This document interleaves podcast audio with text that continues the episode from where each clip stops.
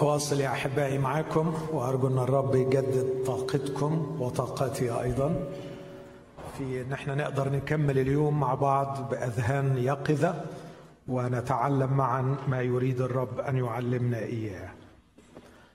أعتقد أنه في أول خدمة كان تركيزي على حالة التطرف في مفهومنا للحرب الروحية.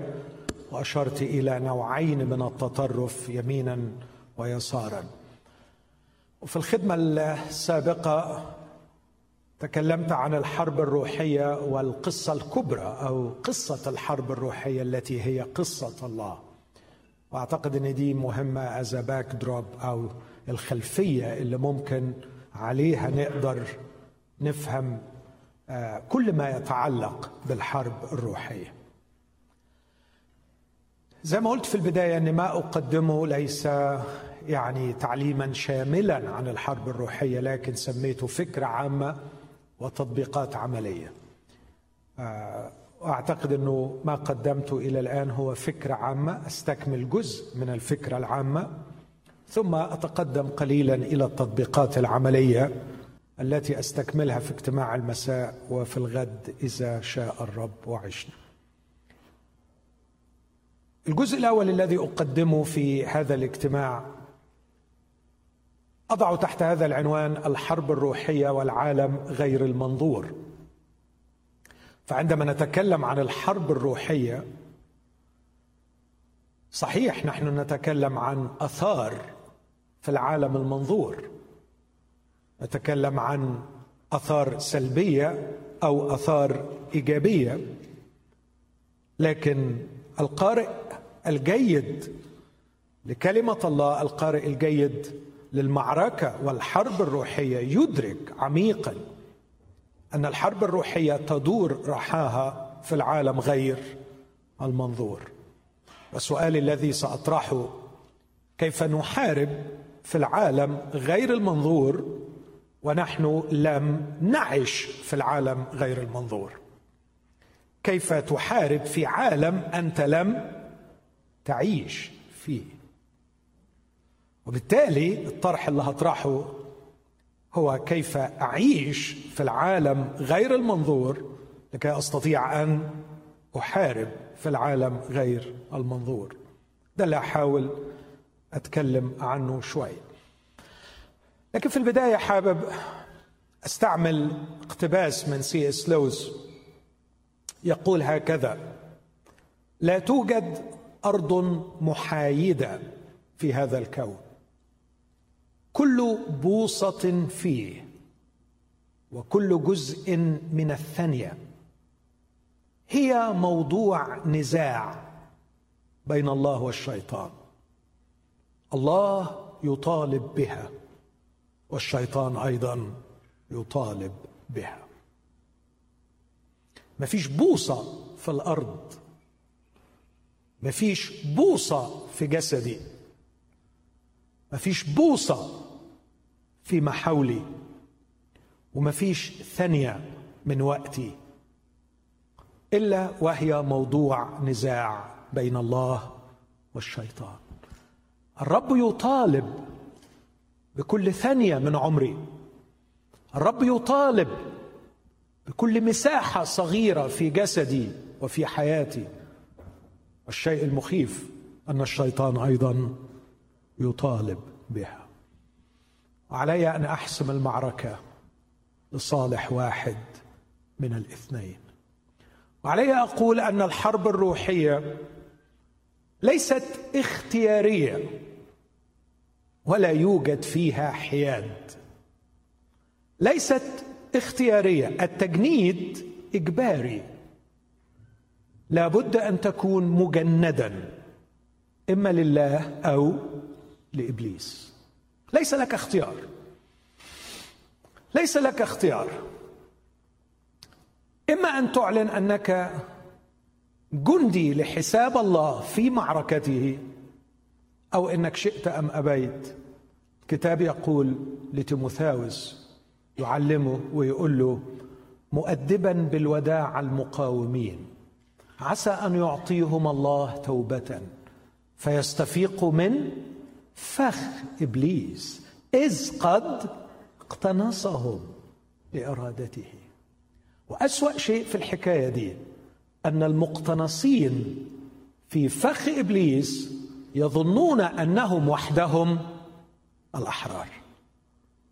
المقتنصون في فخ إبليس يتوهمون وهذا جزء من الخدعة جزء من المكيدة جزء من الكذبة الشيطانية أنه يقيدهم بينما يجعلهم يتجرعون كؤوس الوهم بأنهم فقط هم الأحرار. عشان كده الأمر خطير. كيف تقنع شخص بعبوديته وهو يظن أنه حر؟ لكن دي الفورميلا اللي إبليس نجح إنه يعملها. يأخذ الناس بحبائله بخداعه إلى شباكه وبينهم غرق العبودية له يتوهمون بأنهم أحرار. التجنيد في الحرب الروحية إجباري. إما أنك تختار أن تكون جنديا للرب تعمل لصالحه في المعركة. أو غصبا عنك هتكون لإبليس. لكن كمان لا يوجد لا توجد منطقة على الحياد. أثناء الحرب الباردة تكونت مجموعة عدم الانحياز. فاكرين؟ الجيل القديم يفتكر الحكاية دي. في الحرب الروحية ما فيش مجموعة عدم الانحياز. لا تستطيع أن تكون محايدا. هذا ما يقول سي إس لويس. لا يوجد أرض لا توجد أرض محايده كل بوصة كل جزء من الثانية هي موضوع نزاع بين الله والشيطان. الله يطالب بها والشيطان أيضا يطالب بها. لكن ليست فقط أن الحرب إجبارية أو المعركة إجبارية وليس فيها حياد لكن كما أشرت اؤكد أنها تجري في العالم غير المنظور. بقول العبارة دي الحرب الروحية لها آثار قوية سلبية وإيجابية في العالم المنظور لكن راحاها تدور في العالم غير المنظور. اذا لابد من التدرب على العيشة في العالم غير المنظور لكي نستطيع أن نحارب فيه.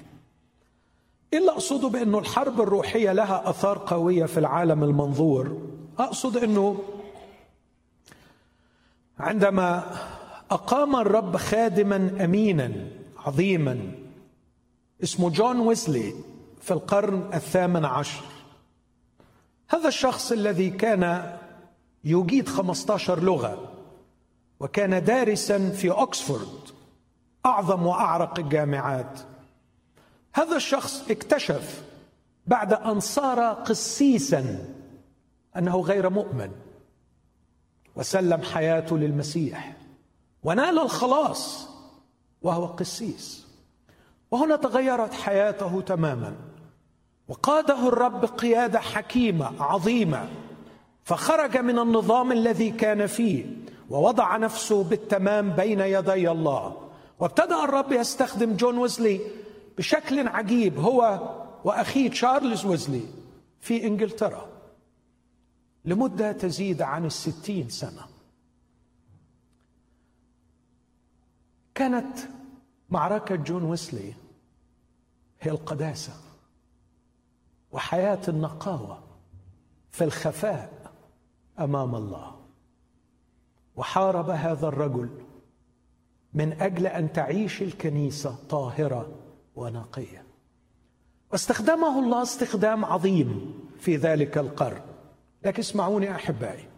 كتب أحد رؤساء أمريكا السابقين كتابا اسمه England before and after John Wesley وقال في هذا الكتاب لولا العمل الروحي الذي قام به جون ويزلي في القرن الثامن عشر لكانت إنجلترا قد شهدت ثورة دموية لا تقل شراسة عن الثورة الفرنسية. لكن الله أنقذ بلدا بأكمله في العالم المنظور بسبب انتصار حدث في العالم غير المنظور. بل أضيف وأقول وعندما ندرس التاريخ نكتشف إن إنجلند في نهاية القرن الثامن عشر وبداية القرن التاسع عشر كانت الإمبراطورية التي لا تغرب عنها الشمس عن أملاكها. قد ارتقت.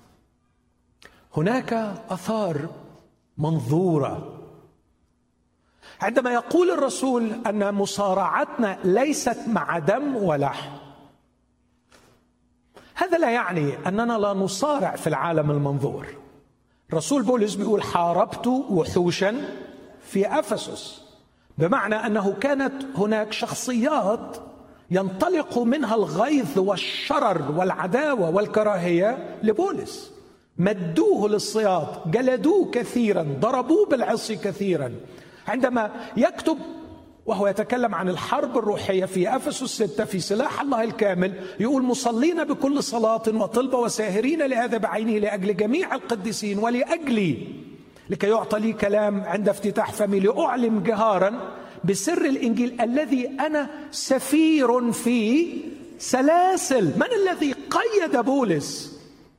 قيدوه أناس منظورين لكن وراءهم قوة غير. منظور. فلما الرسول يقول إن حربنا ومصارعتنا ليست مع دم ولحم لا تعني أنه ليس لنا مشكلة في العالم المنظور. لدينا مشكلة في العالم المنظور ونحن نصارع مع المنظور لكننا نعرف أن القوى التي تخلق المنظور هي رابضة ونشطة وعاملة في العالم غير المنظور. وإن كنا لا ننتصر في العالم غير المنظور عبثا سنحاول أن نوقف الشر في العالم المنظور. فالمعركة تحسم في الخفاء تحسم في الروح تحسم في العالم غير المنظور. هذا هو التحدي الذي أمامنا يا أحبائي. إحنا عندنا مشكلة نتجت من امتياز. أوضح قصدي. أشرت في القصة الكبرى التي حكيتها في الصباح أن لدينا امتياز عن الملائكة اعتبره امتياز. أننا كائنات روحية لكنها امبدد موجودة في أجساد.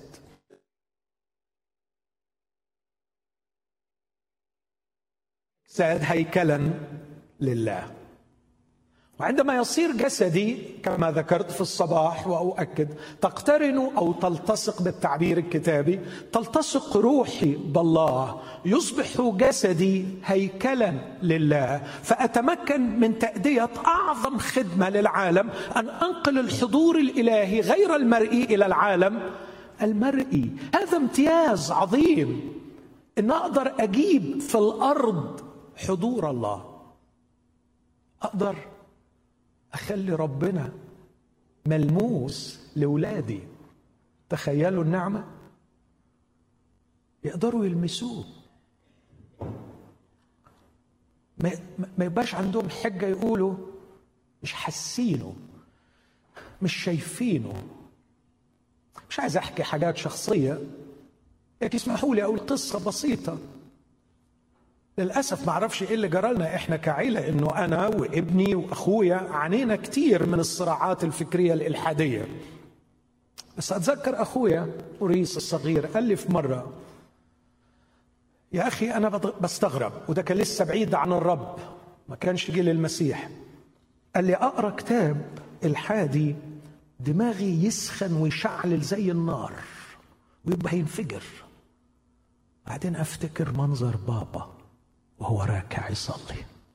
ولا دماغي فشت والنار اتطفت وأقول مستحيل كان أبويا بيضارب الهواء.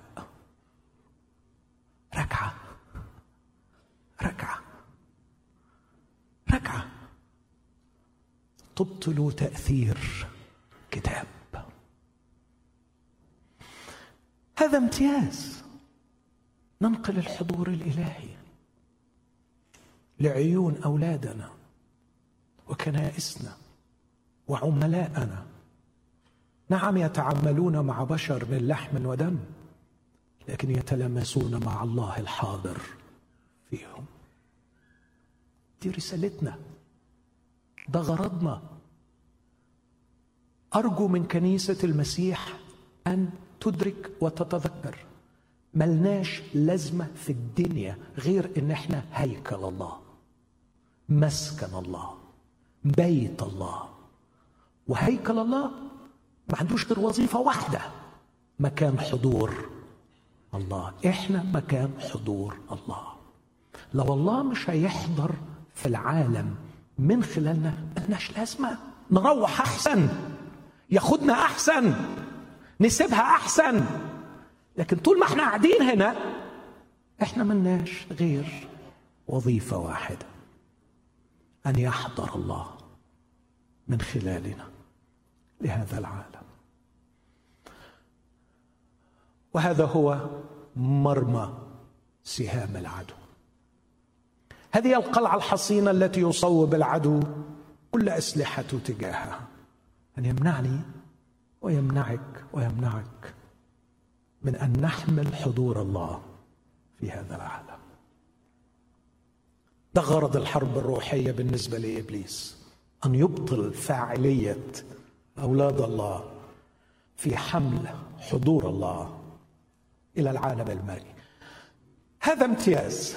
لكن نفس الجسد الذي يمكنني من نقل الحضور الإلهي إلى العالم المرئي للأسف هو نفسه يجعلني غارقا فيما هو مادي. وفيما هو مرئي. للأسف الشديد للأسف الشديد جسمي متبرمج إنه ينشط ويشعر ويتحمس ويفكر ويشعر فقط بالمثيرات والمؤثرات المرئية. لكنه من الصعب أن يساعدني في أن أتأثر وأتحمس وأنشط بما هو غير مرئي. جسمي بيشدني لكل ما هو مرئي. آه على حبيبي وسيدي المسيح في الليلة الأخيرة التي أسلم فيها لم تستطع سحابة الحزن العميق أن تضع ستارا بينه وبين العالم الروحي غير المرئي لقد رأى إبليس آتيا رآه آتيا. رآه بكل شره بكل خبثه. رآه آتيا وقال لهم ساعة أن أتوا عليه. قال لهم هذه ساعتكم وسلطان الظلمة. قد كان يرى العالم الروحي يرى الواقع الروحي. وقال وهو منطلق قوموا ننطلق منها هنا. رئيس هذا العالم يأتي وليس له في شيء. لكن عندما قام معهم ودخل بهم إلى البستان قال لهم الشيطان طلبكم لكي يغربلكم. اسهروا وصلوا. لكي لا تدخلوا في تجربة لأن الروح نشيط وأما الجسد فضعيف الجسم ضعيف بيشدنا لغير المرئي عفوا بيشدنا للمرئي ويعمي عن عيوننا غير المرئي إيه اللي نعمله؟ محتاجين حاجتين. محتاجين تدريب روحي عميق على رؤية ما لا يرى ورؤية من لا يرى. أن نرى الأمور التي لا ترى وأن نرى الشخص الذي لا يرى. نحتاج أن ندرب أنفسنا روحيا على العيشة والبقاء أطول وقت ممكن في العالم غير المنظور. أن نكون في الروح. في الروح. لكن نحتاج أيضا إلى تدريب الجسد. ديسبلين للجسد. على أن لا يسحبني لا يجذبني. إلى العالم المنظور. لو تخيلت إنه لدي الروح والجسد والروح مصممة من الله أن تعيش في العالم غير المنظور علي أن أدربها كثيرا أن تبقى في هذا العالم أن تفكر في هذا العالم أن تعيش في هذا العالم لكي تستطيع أن تحارب في هذا العالم لأن الحرب هي في تلك الدائرة. لكن من الجانب الثاني عندي جسمي. بيشدني للمنظور بيشدني للمحسوس. هدربه بنعمة الرب. عشان أبقى راكبه ما يبقاش هو راكبني. هدربه إنه ما يجرنيش لكن أنا لجره أجره إلى حيث أشاء إلى حيث روحي تشاء. يجعله يؤدي غرضه غرضه الواحد الوحيد أن يكون ناقلا. للحضور الإلهي من عالم الروح من العالم غير المرئي إلى العالم المرئي.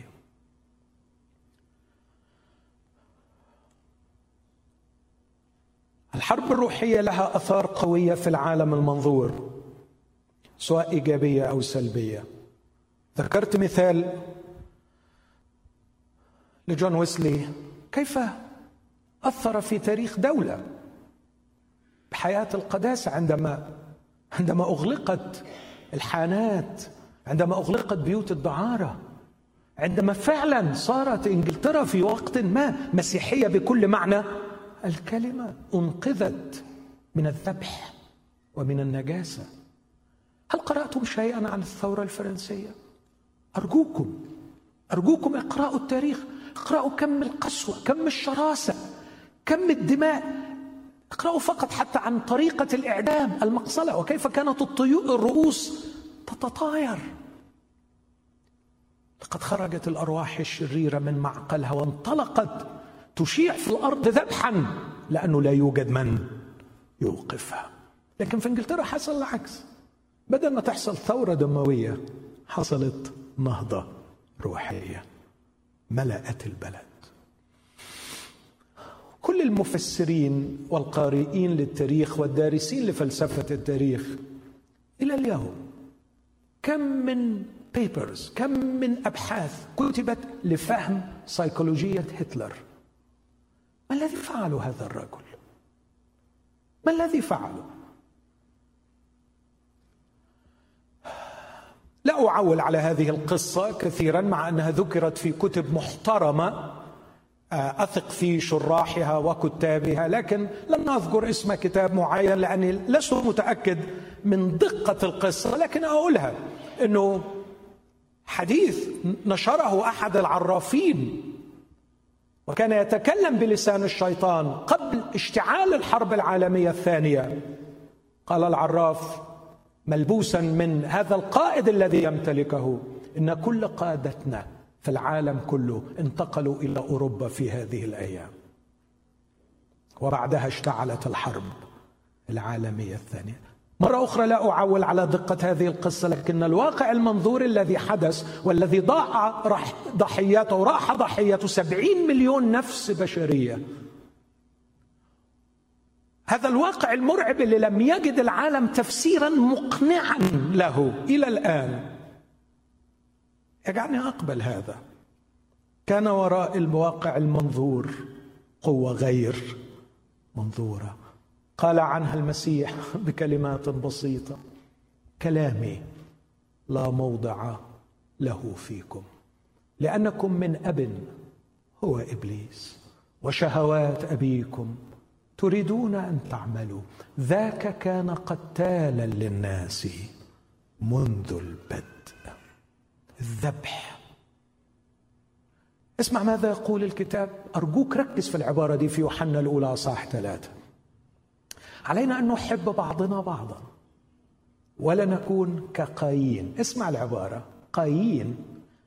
الذي كان من الشرير وذبح أخاه. لاحظ. مش ذبح أخاه فبقي من الشرير. لكنه من الشرير. فذبح أخاه. على الكنيسة أن تدرك أنها قادرة أن تغير التاريخ وأنها قادرة أن توجد فعلا منظورا في العالم. الكنيسة قادرة عندما تعيش في العالم غير المنظور وتحارب وتحقق انتصارات في العالم غير المنظور في الخفاء بحياة الأمانة والقداسة وتكون نور بحق. قادره إنها تبطل عمل إبليس. لقد أظهر ابن الله مرة عند انقضاء الدهور لينقض أعمال إبليس. اذا من الممكن أن ننقض كالمسيح رأسنا أعمال إبليس. إذا حاربنا في العالم غير المنظور. الخلاصة إنه نعم حربنا مع أجناد الشر الروحية لكن هذا لا يعني أننا لا نعاني اثرا سلبيا أو لا نحصد اثرا ايجابيا في العالم المنظور. عايز اكد شوية فكرة العيشة في العالم غير المنظور وأهميتها.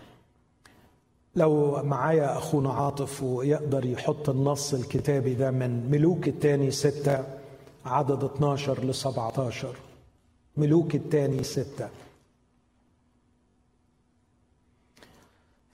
القصة عن إليشع رجل الله. وقبل ما أقول النص عن إليشع عايز أقول إليشع كلنا عارفين كان خادم مين؟ إيليا وتلميذ إيليا. وإيليا كان ليه عبارة مشهورة جدا. حي هو الرب الذي أنا واقف أمامه. حي هو الرب. آه يا إخوتي الأحباء كم أشتاق أن نذوق طعم وروعة هذه العبارة. حي هو الرب.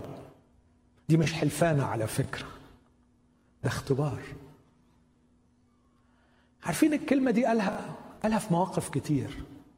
بس من ضمن المرات اللي قالها كان واقف قدام أخاب اللي عايز يقتله. حي هو الرب الذي أنا واقف أمامه. أنا مش أمامك يا أخاب. وعلى فكرة أنت صغير قوي يا أخاب. لأني أمتلئ برؤية حجم وعظمة هذا الإله. واو. أنت طلعت ما تخوفش يا أخاب.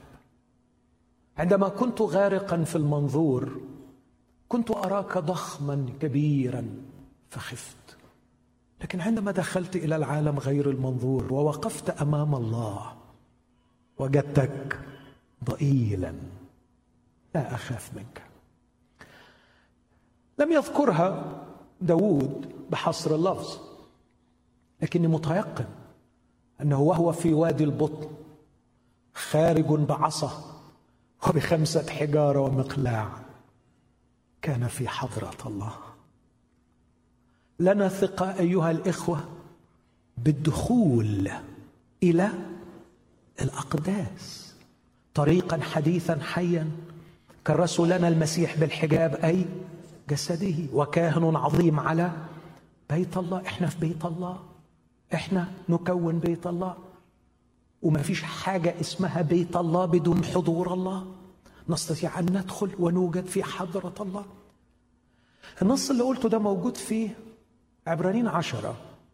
ركز معايا في اللي هقوله ده من فضلك لأنه بيقول لنا ثقة بالدخول إلى الأقداس. عبرانين تسعة.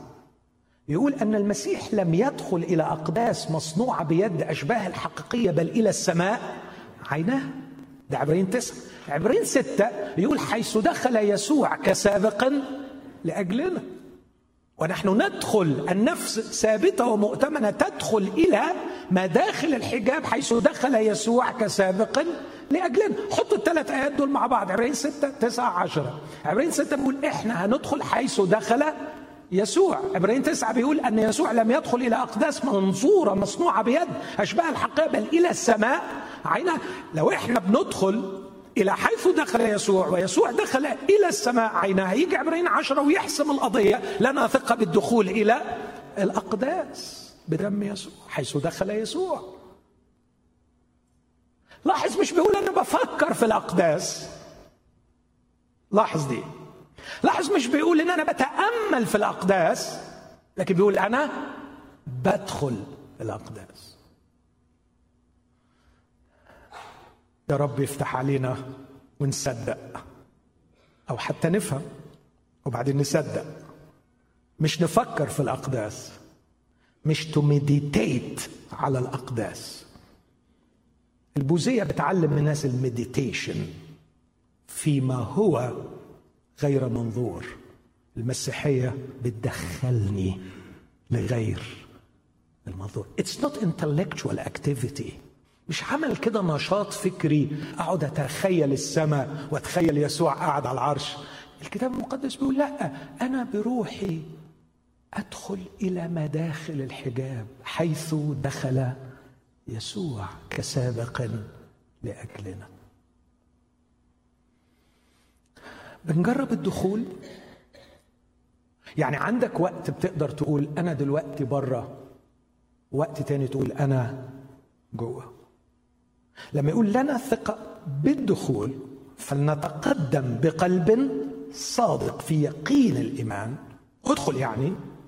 يبقى اذا معناها إنه في أوقات أنا بره وفي أوقات بدخل جوه.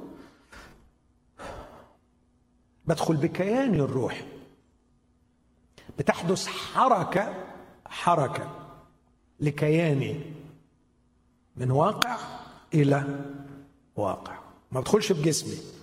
هدخل بجسمي قريب بنعمة الرب لما يجي المسيح.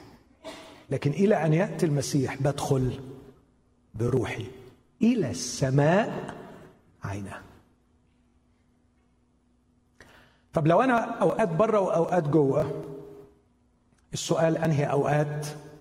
أكثر صح؟ والسؤال الثاني لما باجي أفكر بفكر بره ولا جوه. لما باجي أتكلم بتكلم وأنا بره ولا جوه. لما باجي أختار بختار وأنا بره ولا جوه. مش عايز أقول لما بوعظ بوعظ وأنا بره ولا جوه. لكن سؤال تاني طب لما بدخل جوه يا ترى عندي طول نفس قد إيه؟ أقدر أقعد قد إيه جوه؟ أحد رجال الله الأفاضل عمل هذا التدريب الرهيب كان ناوي يدخل ثانية كل ستين ثانية. ثانية كل دقيقة يدخل إلى حضرة الله. لكن مع الوقت أكيد استطاع إنه يدخل ويبقى في الداخل. هذا تدريب روحي نحتاج أن نمارسه. أعتقد أن داود أرجع لداود كان في محضر الله وإلا الكلام اللي بيقوله يبقى هزل هزل فعلا. بص كده أولا رايح راح بعصاية للعمارة المتحركة دي اللي اسمها جليات ورايح له رايح له بثقة شديدة جدا. على فكرة ده ما كانش عبيط ده ما كانش مجنون ده ما كانش متهور. لا لكن زي ما اتقال عن موسى كأنه يرى من؟ لا يرى. ده كان شايف حاجة أكيد. مش ضروري شايفها بعينيه كان شايفها بروحه فرايح له. فالتاني طبعا استغرب. قال له لعلي كلب جاي لي بعصاية للدرجة دي للدرجة دي. طب تعال تعال علشان بجد أنت تستاهل تتهزأ. أنا هقطعك وارمي لحمك للوحوش عشان تتأدب حتى تعرف تقابلني يعني بما يليق بي. يرد عليه ويقول له أنت تأتي إلي بسيف وبرمح وبترس لكن أنا آتي إليك باسم رب الجنود يبقى كان شايفه ولا ما كانش شايفه؟ وبعدين لا اسمع اسمع النكتة اللي بعد كده. يحبسك الرب اليوم. إيدك أنت؟ ليه؟ عصفورة يا حبيبي. ده قدامك جبل متحرك. لكنه غالبا كان يرى يد الرب. كان يعرف أن يد الرب تستطيع أن تفعل هذا. أمامنا شخص يتكلم من المنظور وشخص يتكلم من عالم غير المنظور والسؤال أيهما ثبت أنه حقيقة؟ غير المنظور. وطلع المنظور كله وهم ووقع الجبار وانتصر داوود. لو بيقول له يحبسك الرب اليوم في يدي فأقتلك. طب أنت معكش سيف. تقتله إزاي؟ عارفش هو كان في ال...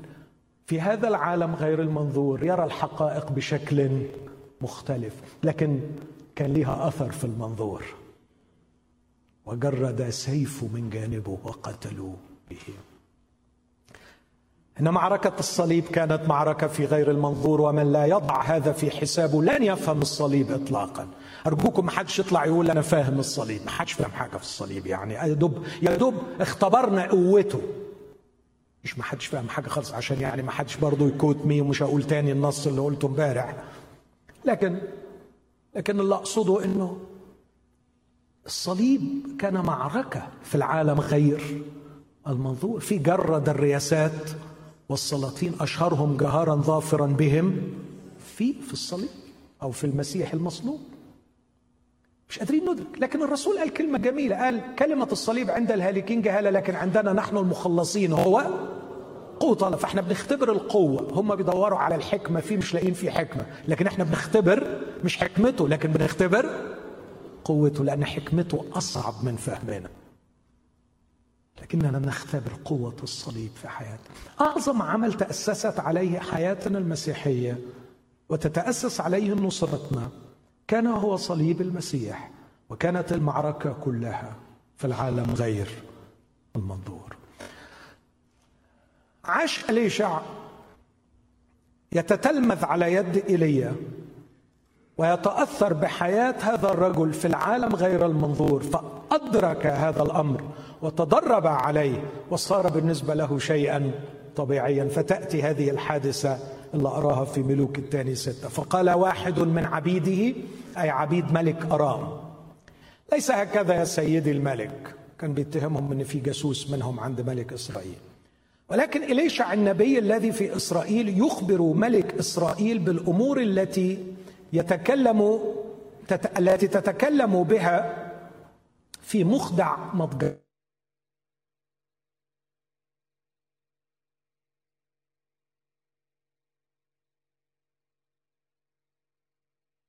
أرسل إلى هناك خيلا ومركبات وجيشا ثقيلا وجاءوا ليلا وأحاطوا بالمدينة.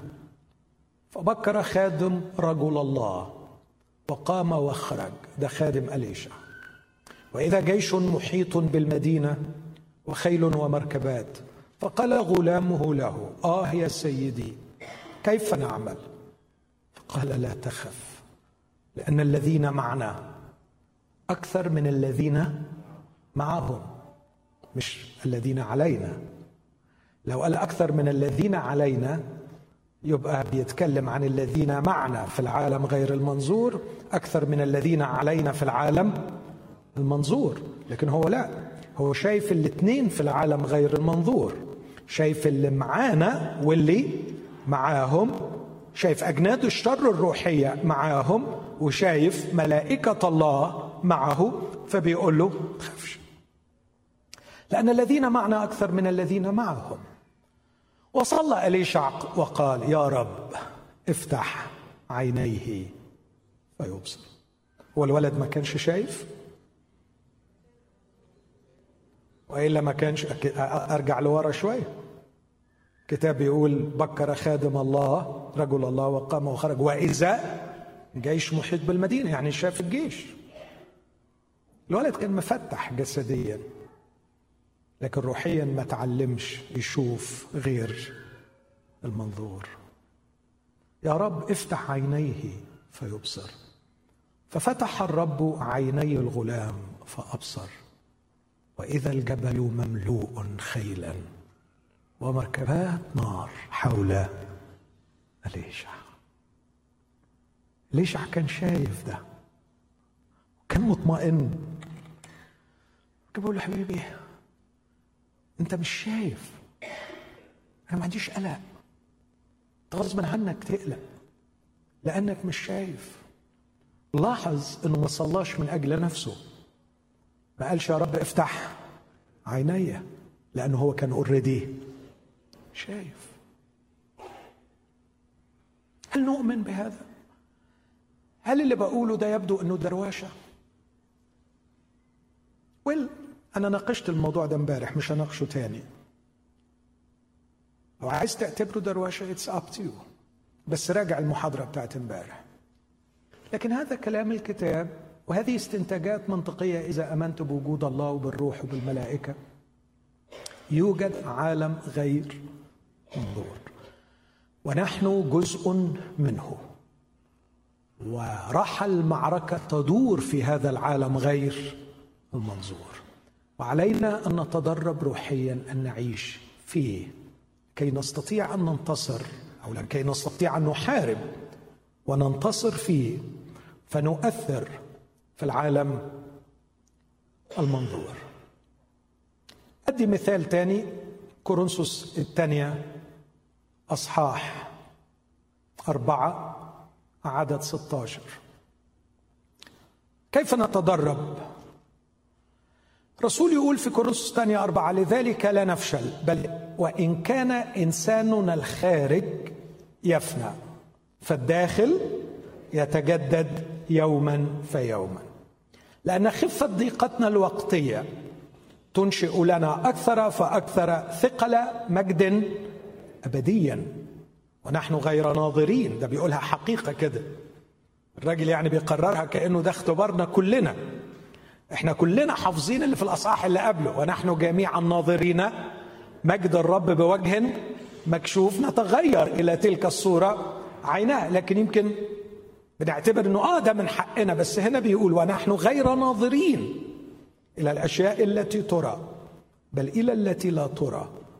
لأن التي ترى وقتية وأما التي لا ترى فأبدية. كيف أدرب روحي على الوجود في العالم غير المنظور. هنا بيقدم لي حاجتين. الحاجة الأولانية أني أركز على الإنسان الخارج الداخل وليس الخارج. والحاجة الثانية إني أركز على الأشياء الأبدية وليست الأشياء الوقتية. أنت كل يوم بتتعرض كتير لمقابلة شخصية مع إنسانك الداخل. اللي بيحصل إنه مرات كتير بنتجاهله بنتجاهل تقييمه. بنتجاهل حجمه. بنتجاهل نموه. وبنركز أكثر على تعاملاتنا الخارجية. لدرجة إن بقينا بنخاف نقعد وحدينا. لئلا نلتقي بأنفسنا. حد جرب الحكاية دي؟ والنهاردة لو تحب يعني تشوف آه اختار مني اسم الممثل المشهور والمخرج الأمريكي. هيجي. راجل brilliant mind فعلا وعايش وبينتج حاجات كتير ومخرج مشهور قوي. عامل فيديو كليب حد عمله له. ممكن تشوفه لو تكتب distraction بس أنا ناسي اسم الراجل دلوقتي. بيقول إيه وظيفتنا كممثلين ومخ... لا ما تعملوش جوجل دلوقتي. ركزوا معايا. هتساعدوني ها؟ بس. ساعدني. بيقول إيه كل اللي بنعمله كممثلين كمخرجين؟ إيه كل صناعه السينما اللي إحنا بنعملها؟ اسمع اللي بيقوله الراجل ده. بيقول إن الواقع مأساوي للغاية. إن الواقع مظلم للغاية. إننا سننتهي جميعا. وذكر شكسبير بيتهوفن. كل إنتاجنا سنبتلع في ثقب أسود عن قريب. لا ينتظرنا إلا الصمت والفناء الأبدي. هذا الواقع المرعب والمؤلم. إذا تأملنا فيه سنكتئب. ولذا لا يبقى لنا إلا شيء واحد التشتيت. علينا أن نشتت أنفسنا وعلينا أن نقدم خدمة للآخرين بأن نشتتهم. نشتتهم. اتشتت وساعد في تشتيت بص على أي واحد قعد صامت لمدة دقيقتين ما يستحملش. لقيته مش لاقيه. هجيبه أنا. الاجتماع الجاي أوعدكم مش هسيبه. هجيبه. على طول يمسك التليفون بتاعه. to check any وخلصنا من الفيسبوك طلع تويتر. خلصنا من تويتر طلع انستغرام خلصنا من انستغرام في جديد في جديد في جديد علشان يبقى الواحد ال ال أي شاب في سن المراهقة بي check his cell phone 80 times per day تخيل لو كل مرة من ال 80 times قعد ثلاث دقائق يبقى أدي 240 دقيقة. خليها 160 دقيقة دقيقتين بس. ده غير بقى ال movies اللي بيشوفها ده غير حاجات كتيرة غير البلاي ستيشن غير. وغير وغير أين الوقت للالتقاء بالإنسان الداخل؟ مفيش. أنا مش بقول الالتقاء بالله لكن ده أنا بقول الالتقاء بالإنسان الداخل. لكن بولس يبدو أنه كان بيراقب إنسانه الداخل وكان بيشوف أن إنسانه الخارج بيفنى لكن الداخل يتجدد يوما فيوما. إن أقرب ما لك من الأمور غير المنظورة هو إنسانك الداخل. اهتم بيه اهتم بأنك تديله شاور. اهتم بأنك تغذيه. اهتم بأنه يكون جميل. كلامي صعب. هقوله بصورة أسهل. اهتم انك تكون حلو من جوه. تبقى حلو من جوه. قول لنفسك كده خلاص قررت أكون حلو من جوه. إيه معنى الكلام ده؟ أنا عايز ابقى حلو لما اقابل الناس. مش هينفع. لازم تبقى اولا حلو وأنت بعيد عن الناس. لازم تبقى حلو من جوه. حكيت من فترة بسيطة وأنا نازل في أحد المطارات في أمريكا. قابلني موظف في المطار يعرفني. خدني على جنب حكى لي مشكلة. مشكلة له بتفكر فيها إزاي؟ بتقول إيه للشخص اللي بيضايقك وبيظلمك؟ قال لي بصراحة بقول له ربنا معايا ومش هيسيبني وأنت مش هتقدر تظلمني. قلت له الكلام ده ولا ليه لازمة قال لي ليه؟ قلت له أنت لما بتروح بالليل بتقول إيه لنفسك؟ سيبك من اللي قلته للراجل. أنت قول لي بأمانة بتقول إيه لنفسك؟ إيه ال self talk بتاعك؟ قال لي أقول لك بصراحة بقول they will fire me وهتشرد وعيالي مش هيلاقوا ياكلوا. قلت له هو ده اللي هيمشي. your self talk اللي بتحكي فيه في الداخل. روح احسم المعركة في الداخل ستحسم في الخارج. كملت القصة جميلة للغاية. قبل ما أرجع مصر اتصل بيا وقال لي حاجة غريبة. لقد انتصرت في الداخل. قد تغيرت في الداخل. صليت والرب غيرني من جوه. ولما تغيرت من الداخل قصة غريبة جدا. واحد جاي على نفس رحلة شركة الطيران فقد الحقيبة بتاعته أو واحد خدها ومشي. أخونا الموظف ده لأنه تغير بقى حلو من جوه. وقف مع الراجل ده عدة ساعات يستعمل تليفونه الشخصي لغاية ما عرف يرجع له. الراجل انبهر من هذه الشخصية راح كاتب بسرعة على الفيسبوك بتاعه على صفحته مدح رهيب فيه وازاي إن في إنسان بالشكل ده وقال ده ملاك مش إنسان. وصلت الرسالة فورا للوزير في مصر. الوزير اتصل قال مين الولد ده؟ هو امرني بترقية واتكسرت عين المديرة اللي كانت عايزة تذله والرحلة التالية ليها مباشرة قابلني نفس المرة وقال لي ما أقولكش الرب كرمني. أعظم إكرام. إخوتي ما هي أحوال صحة إنساننا الداخلي هل تقدر تقول فعلا إنه يتجدد يوما؟ ف... أنت حلو من جوه؟ مرات كثيرة أقعد مع ناس وأقول يا خسارة يا ريته حلو من جوه. he's so nice معايا من بره so nice بس يا ريته كمان يبقى حلو من جوه. عايز تعرف انت حلو من جوه؟ راجع your self talk انت بتفكر إزاي لما بتبقى لوحدك على سريرك في مخادع تصاويرك زي ما بيقول الكتاب؟ بتفكر في إيه؟ بتفكر في واحدة تشتهيها وانت مع نفسك؟ بتفكر في مرارة من حد؟ بتفكر تخطط كيف تنتصر على واحد ظلمك؟ انت قبيح من جوه. انت قبيح. بس على فكرة بكل هذا القبح لما بتطلع من بره تبتسم تسلم تتعامل بكل رقة وإتيكيت. بس انت من جوه مش حلو. دي خيابة. دي خيابة. لأنه اللي هيحسم المعركة في النهاية مش اللي بره. who are you من جوه. أنت مين من جوه؟ بولس كان بيعيش في العالم الروحي في العالم غير المنظور لأنه كان مركز على إنسانه الداخل. لكن حاجة تاني دربته على العيشة في العالم الغير منظور إنه الأشياء بقى بيسأل من جهتها سؤال واحد. هو الشيء ده وقتي ولا أبدي؟ ودي قضية تاني في غاية الأهمية. وقتي ولا أبدي. لو جالك إكرام معين لو حصلت على ربح معين لو وصلت إلى درجة علمية معينة عليك إنك تسأل سؤال. هل هذا الأمر انعكاساته نتائجه ال implications بتاعته النتائج بتاعته وقتية ولا أبدية؟ دي هتنفعني هناك ولا بس هنا؟ إذا اتبرمج ذهني على تقييم الأمور في بعدها الأبدي هيحصل هتحصل نقلة كبيرة في حياتك. I think ان سليمان فهم حاجة زي كده. لما قال إن الله جعل الأبدية في قلبهم التي بلاها لا يعرف الإنسان العمل الذي ينبغي أن يعمل.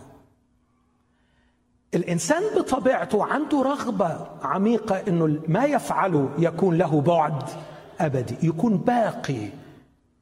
وبناء عليه إذا وضع البعد الأبدي في مكانه الصحيح هيقدر يختار ويقرر إيه اللي يعمله وإيه اللي ما يعملهوش إيه اللي يستثمر فيه وإيه اللي ما يستثمرش عشان كده مثلا أنا شخصيا لا يمكن أستثمر لبناء طوائف. لكني سأستثمر لآخر نقطة من دمي في بناء جسد المسيح. لأنه الطوائف هتنتهي. صح ولا حد عنده؟ ممكن بعض الناس يكونوا مقتنعين إن في السماء واخدين ركن على جنب. في بوابة معينة مكتوب عليها للطائفة الفلانية.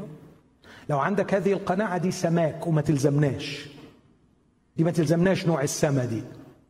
قناعتي إنه ما فيش طوائف في السماء علشان كده لا يمكن أضيع دقيقة واحدة لخدمة طائفة.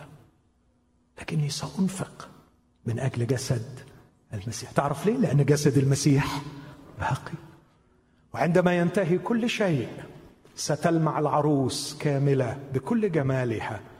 ويا بخت اللي خدم العروسة ساعتها يا بخت اللي عمل لها حتة في الديل بتاعها.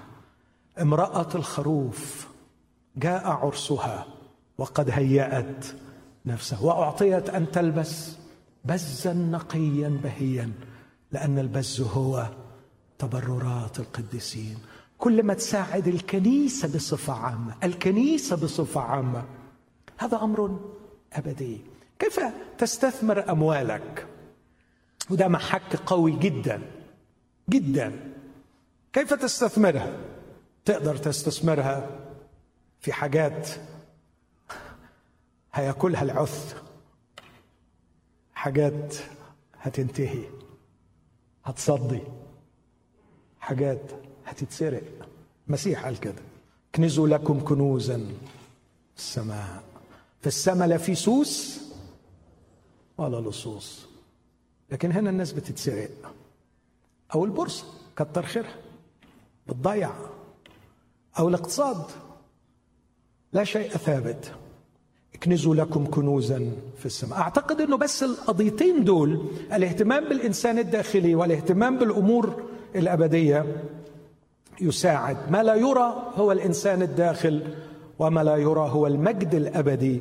فكلما استثمرنا فيما هو أبدي نحصل لأنفسنا ثقل مجد أبدي. وبولس قال لو الضيقة بتدفعني أكثر علشان أتطور داخليا وأستثمر ابديا فهذا مجد أبدي. أنا سأقبل الضيق ولا أفشل لا نفشل. حاجة تاني عبرانيين أصحاح 11 عدد 24 بالإيمان موسى لما كبر أبى أن يدعى ابن ابنة فرعون مفضلا بالأحرى أن يذل مع شعب الله. على أن يكون له تمتع وقتي بالخطية. حاسبا عار المسيح غنى أعظم من خزائن مصر لأنه كان ينظر إلى المجازاة. بالإيمان ترك مصر غير خائف من غضب الملك لأنه تشدد كأنه يرى من لا يرى. wow على هذا الاختبار. دي historical story قصة تاريخية. هذا ليس أسطورة. هذا ليس تعليم صيغة في صورة حكاية. هذه قصة حقيقية تاريخية قد حدثت. هناك طفل صغير نما وترعرع في قصر فرعون لكن امه أرضعته في طفولته. أنه من شعب اختاره الله لدعوه أرقى وأسمى. فعندما كبر أبى أن يدعى ابن ابنة فرعون. فضل بالأحرى أن يخرج لينظر في أثقال إخوته ويذل معهم. لقد أدرك أنه يوجد في العالم غير المنظور نوع من العار أجمل وأعظم وأثمن من خزائن العالم المنظور. حاسبا عار المسيح. عار المسيح ده كان فين؟ ده كان في عالم غير منظور. يعني إيه عار المسيح؟ عار المسيح نوع من العار يختاره الإنسان عندما ينوي أن يتمم مشيئة الله. بس أكثر واحد انتهج هذا المنهج هو يسوع المسيح الذي لم يحس وهو في صورة الله أخلى نفسه. أخذ نوعا من العار لكي يتمم مشيئة الله. كل من يسيرون في ركابه كل من يتبعون خطواته هم تلاميذه. حتى موسى قبل مجيء المسيح اختار هذا النوع من العار. رأى في العالم غير المنظور نوعا من العار. هو أثمن وأعظم من خزائن العالم المنظور. مفضلا أن يذل حاسبا عار المسيح غير أعظم من خزائن. لأنه كان ينظر إلى ده العالم الغير منظور ما فيهوش بس عار لكن فيه كمان وهو شايفها. المجازات دي كان هياخدها بعد كام ألف سنة. كتير قوي. بعد آلاف السنين لكن كان شايفها. صدقني يا شعب ربنا صدقني يا أهل الله. وده مش موسى واحد إبراهيم يقول كان ينظر المدينة التي لها وكان شايفها بحقه حقيقي ولا خيال؟ بحقه حقيقي لدرجة أنه عمل حاجة غريبة راح سكن في خيمة. ما بناش بيت. وعاش طول عمره يسكن في خيام في حين أنه كل اللي حواليه كانوا بيبنوا بيوت. لكن هو عاش في خيمة. لأنه كان شايف حاجة فعلا بس مش شايفها بعينيه جسدية لكن شايفها بروحه. كان يرى المدينة التي لها الأساسات. موسى كمان كان ينظر إلى المجازاة. ما أعرفش إيه أبعاد المجازاة بتاعت موسى اللي شافها لكن أعرف حاجة من المجازاة. في يوم من الأيام رب الخليقة رب السماء والأرض. وفي وقت حساس جدا عندما تجسد وأخذ صورة إنسان استدعى من السماء موسى وإيليا الكتاب يقول وظهر له موسى وإيليا وظهر معه موسى وإيليا ظهرا بمجد. إيه حجم الشرف اللي حظى به موسى واللي بيحظى به الآن؟ لقوا لما جه غالبا كان بيتكلم معاه عن أقدس موضوع موضوع الصليب. كان يتكلمان معه عن خروجه المزمع أن يكمله في أورشليم. واو! إيه الكرامة دي؟ إيه معنى إنك تقعد مش مع رئيس أمريكا مش مع ملك عظيم أنت بتقعد مع رب المجد بخصوص أخطر عمل هيعمله. والرب يختاره ويستدعيه علشان يتكلم معاه كانت تستاهل إنه يسيب قصر فرعون؟ يتهيألي ساعتها لو كان حد قال له يا يا موسى يا حبيب قلبي يا ضنايا ده انت ضحيت تضحية يا ولدي ربنا. لما يجي يقعد مع المسيح على جبل التجلي يقول له إيه؟ ها؟ تضحيتي إيه؟ وكلام فاضي إيه؟ كلام فاضي. مع ما القصر اتهد. والراجل حابسينه في تابوت دلوقتي وخلاص وخلصت. وخزائن مصر راحت حنطوه وخلصت خلاص. بقي تاريخ. لكنه يلمع بالمجد على جبل التجلي. لكن الكلمة الأخيرة أروع. مش بس ينظر إلى المجازاة. مش بس شاف العار في العالم غير المنظور وشاف المجازاة في العالم غير المنظور لكن شاف رب العالم غير المنظور. كأنه يرى من لا يرى فتشدد.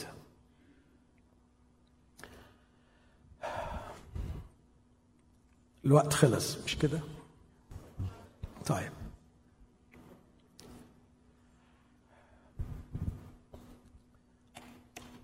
أنا أفكر أنا خلاص هختم. إذا أدركنا ان الحرب تدور في العالم غير المنظور علينا أن نعيش فيه. علينا أن نمارس وجودنا فيه. فندخل إلى الأقداس بصفة مستمرة. محتاجين نختبر أكثر مساحة وقت أطول في هذه العبارات. لنا ثقة بالدخول إلى الأقداس. لنتقدم بثقة إلى عرش النعمة. محتاجين نختبر أكثر. حي هو الرب الذي أنا واقف أمامه. أرجوك استغل أفضل استغلال الأوقات اللي أنت قاعد فيها لوحدك. بإنك ما تتكلمش مع نفسك بإنك ما تسرحش مع خيالك لكن تتكلم مع الهك ادخل إلى محضر الله. اختبر حضور الله في هذه الأوقات. وحاول إنك تحقق انتصار وراء انتصار وتدريب وراء تدريب بحيث إنك إذا ظبطت نفسك متشتت أو بتشتت نفسك اعتبر إن دي خطية. أو بلاش لو يعني مستكتر كلمة خطية اعتبره إهدار للوقت.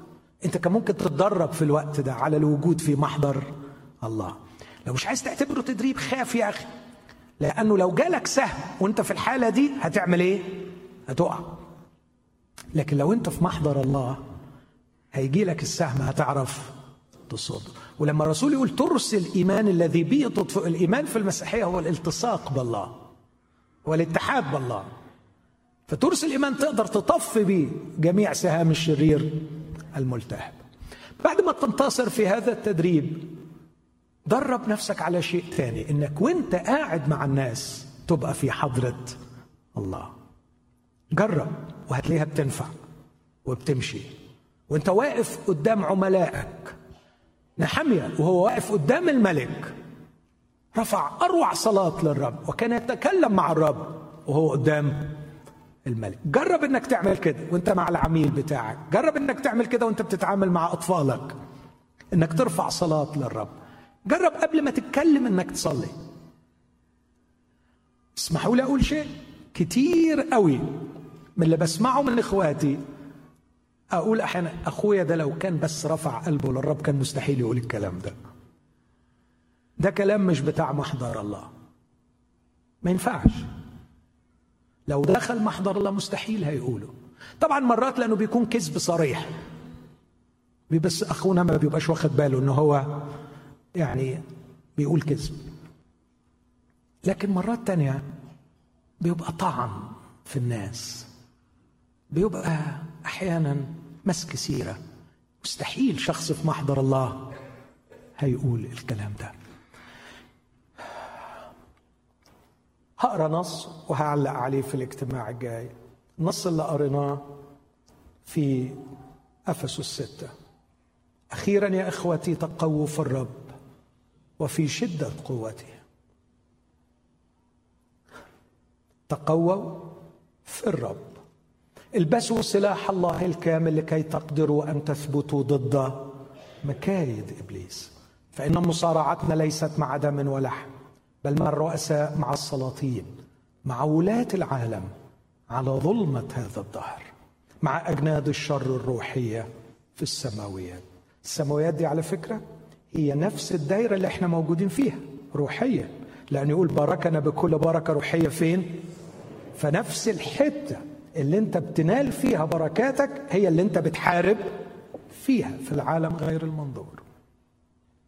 من أجل ذلك احملوا سلاح الله الكامل. تقدروا أن تقاوموا في اليوم الشرير. وقد تم إنزالنا في هذا العالم والعالم كله اليومين دول الفترة دي كلها فترة إبليس هو يوم بشر هو اليوم الشرير هو اليوم الذي فيه يملأ الشيطان الأرض بحضوره من خلال الانسان الفترة دي اسمها اليوم الشرير لكن الكتاب بيشوفها يوم وهيعبر وهيجي الوقت. هيجي اليوم الأبدي حيث يملأ الرب الأرض بحضوره. وبعد أن تتمموا كل شيء أن تثبتوا. رب دينا نعمة لكي ما نتدرب على هذا الأمر أن نعيش في العالم غير المنظور. لكي نستطيع أن نحارب في العالم غير المنظور. ونحقق انتصارات ترى أثارها في العالم المنظور. أمين؟ خلونا نقف مع بعض. وإحنا بنمارس التدريب ده دلوقتي. خلونا من دلوقتي كل واحدة وكل واحد يدخل إلى حضرة الله يدخل إلى أقداس الله.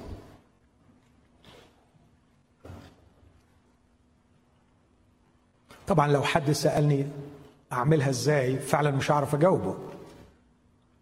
مش هعرف أجاوبه فعلا. لكن عارفين سي إس لويس لما قال للشيطان الشيطان الكبير بيعلم الشيطان الصغير الشيطنه فبيقول له خليه يصلي من غير ما يلتقي بالله. إحنا بقى عايزين نصلي ونعمل إيه؟ ونلتقي بالله. الروح الذي سكن فينا هو روح التبني الذي به نصرخ يا ابا الاب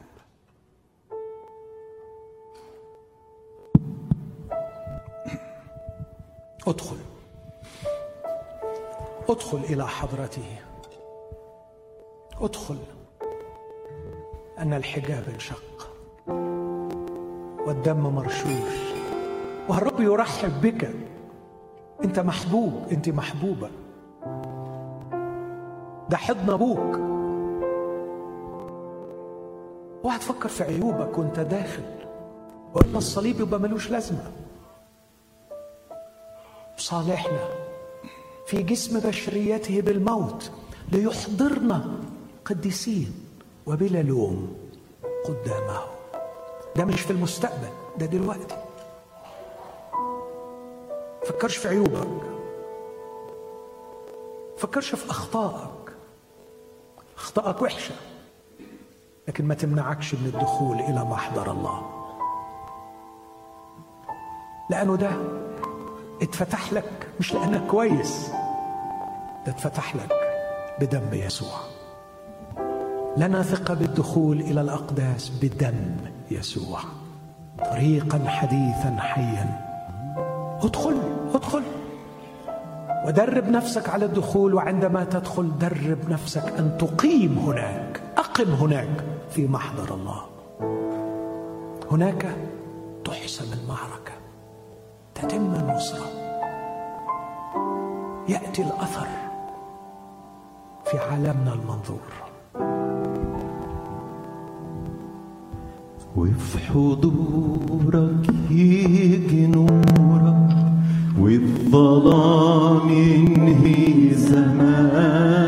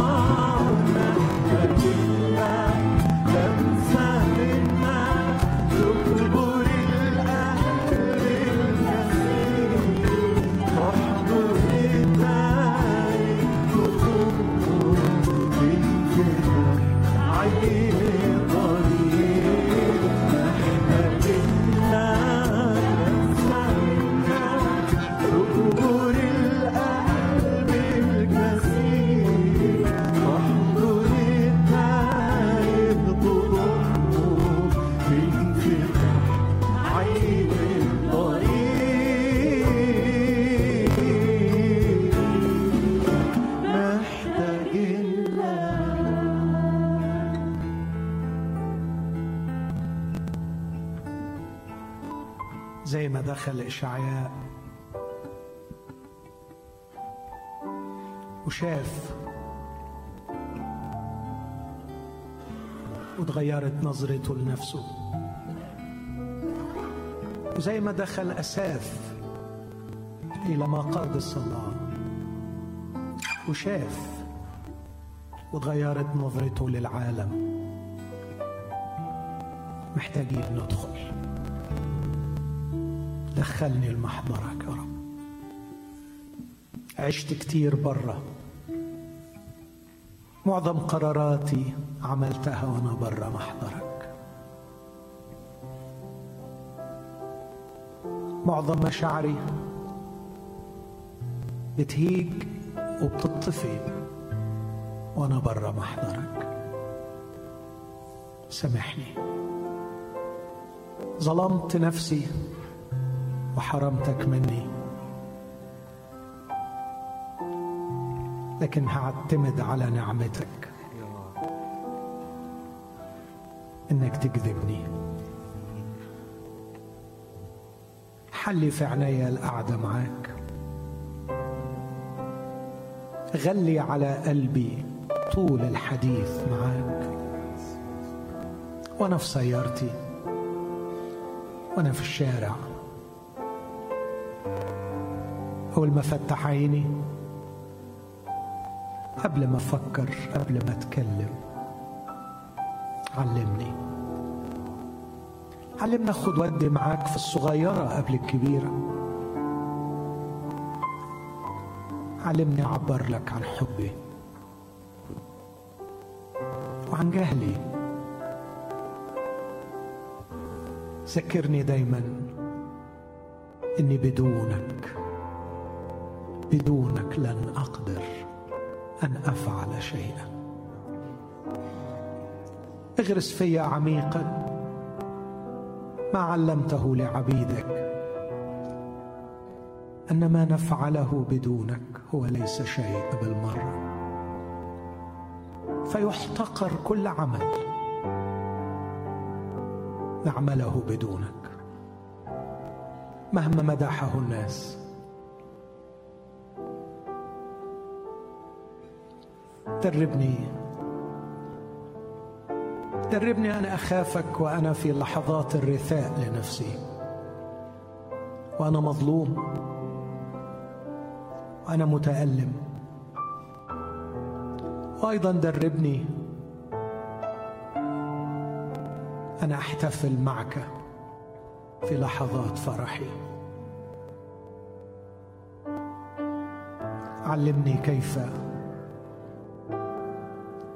اصل إلى مستوى إبراهيم فأكون خليلك. وإلى مستوى أخنوخ فأسير معك. كالخل كالحبيب. علمني أن لا أفكر بدونك ولا أشعر بدونك ولا أقرر بدونك ولا أعمل بدونك.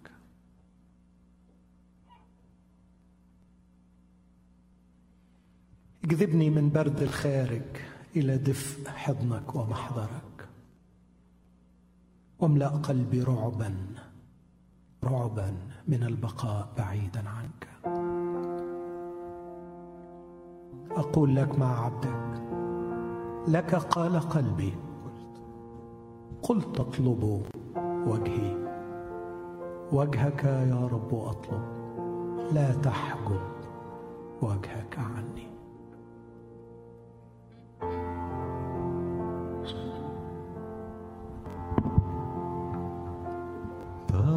تشتاق نفسي أن تراه. وتمكث